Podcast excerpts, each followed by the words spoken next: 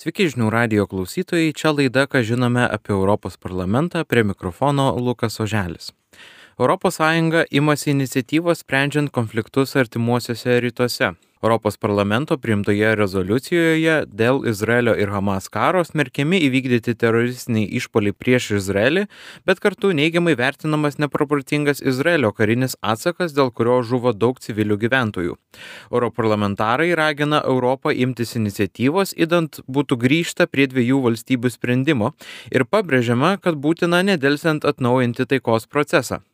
Šiai pozicijai pritarė ir ES užsienio politikos vadovas Josepas Borelis, nes pasak jo taika ir stabilumas negali būti kuriami tik karinėmis priemonėmis. Visgi Rytų Europos studijų centro direktorius Linas Kojala teigia, jog ES įtaka artimuosiuose rytuose yra ribota, ypač palyginus su Amerika, dėl nesutarimų tarp pačių bloko valstybių. Akivaizdaus ir vienareikšmiško konsensuso kokia forma palaikyti Izraelį, kaip vertinti Izraelio atsaką, kaip traktuoti netgi kai kuriais atvejais Hamas veiksmus, nebuvo. Ir tai, aišku, yra ES silpnybė, nes neturint politikoje aiškaus konsensuso kalbėti apie konkrečias priemonės, kuriomis ES galėtų prisidėti prie situacijos sprendimo ar vienokio ar kitokio suvaldymo, na, jos mažėja. Ir tai atsispindėjo ir diplomatijoje. Mes matėme atskirų Europos valstybių lyderius vykstančius į Izraelį, bet nebūtinai tuos veiksmus labai detaliai koordinuojančius tarpusavyje.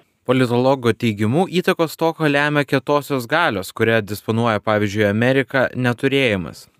Nors ES stengiasi didinti spaudimą Izraeliui ir siūlo dviejų valstybių sprendimą, kaip užtikrinantį ilgalaikę taiką, Lino Kojalos nuomonė svertų palengti Izraelio poziciją ji neturi. Svertai, kuriais disponuoja ES, yra minimalus e, tam, kad galėtų šitą situaciją pakreipti vieną ar kitą linkmę. Taip, galbūt vidiniai politiniai procesai Izraelyje, kur taip pat e, kritika Benjamino Netanjahu lyderystėje yra pakankamai garsiai išreikšta, galėtų tą situaciją pakeisti, bet vėlgi tai nėra veiksnys, prie kurio ES norėtų ar galėtų prisidėti, nes tai Izraelio piliečių pasirinkimas. Ir kada tokie rinkimai galėtų įvykti, kada tie pokyčiai galėtų būti realizuojami Izraelio viduje ir ar jie būtinai vestų link tokios vyriausybės, kuri na, norėtų vėl užmėgsti dialogą dėl dviejų valstybių modelio, jokių garantijų nėra.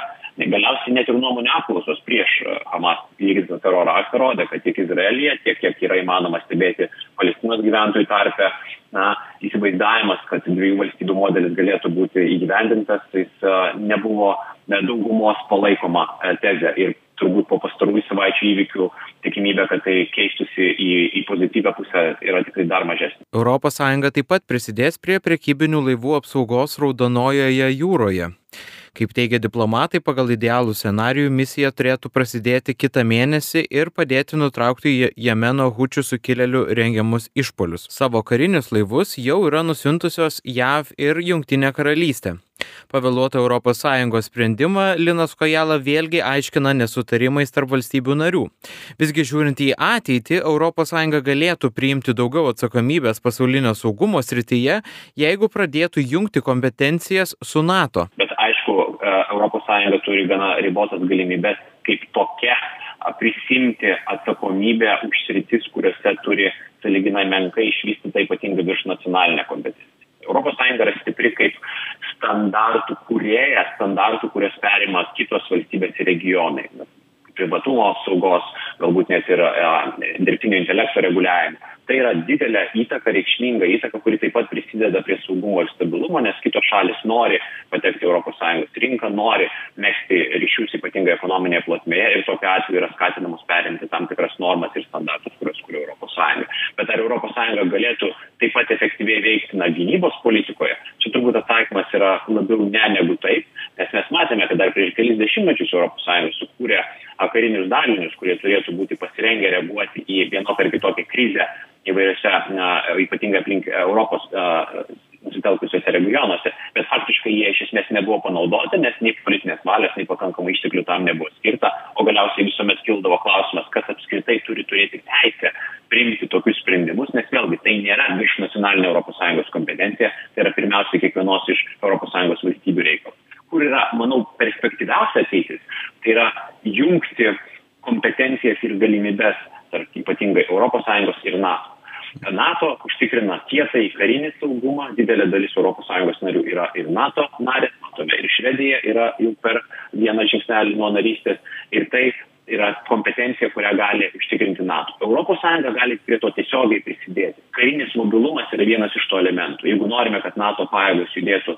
Europoje, joms reikia kelių, joms reikia tiltų, kurie atitiktų standartus, kurie galėtų išlaikyti karinės technikos reikalavimus. Ir čia jau NATO neturi galimybių to daryti tiesiogiai, nes kelių netiesia infrastruktūros nevysto, o ES turi tam ir lėšų, ir kompetencijos, ir svertų. Tai jeigu atsiras tos jungtys tarp NATO Europos šalių ir, ir Europos Sąjungos Europos valstybių, tuomet be abejo tikimybė, kad ir gynybos ir saugumo klausimai bus efektyviau atliepti ir tie riboti resursai bus sėkmingiau panaudoti išaugti. Taip žinių radijui kalbėjo Rytų Europos studijų centro direktorius Linas Kojala. Tiek šiandienos laidoje, ką žinome apie Europos parlamentą, likite su žinių radiju.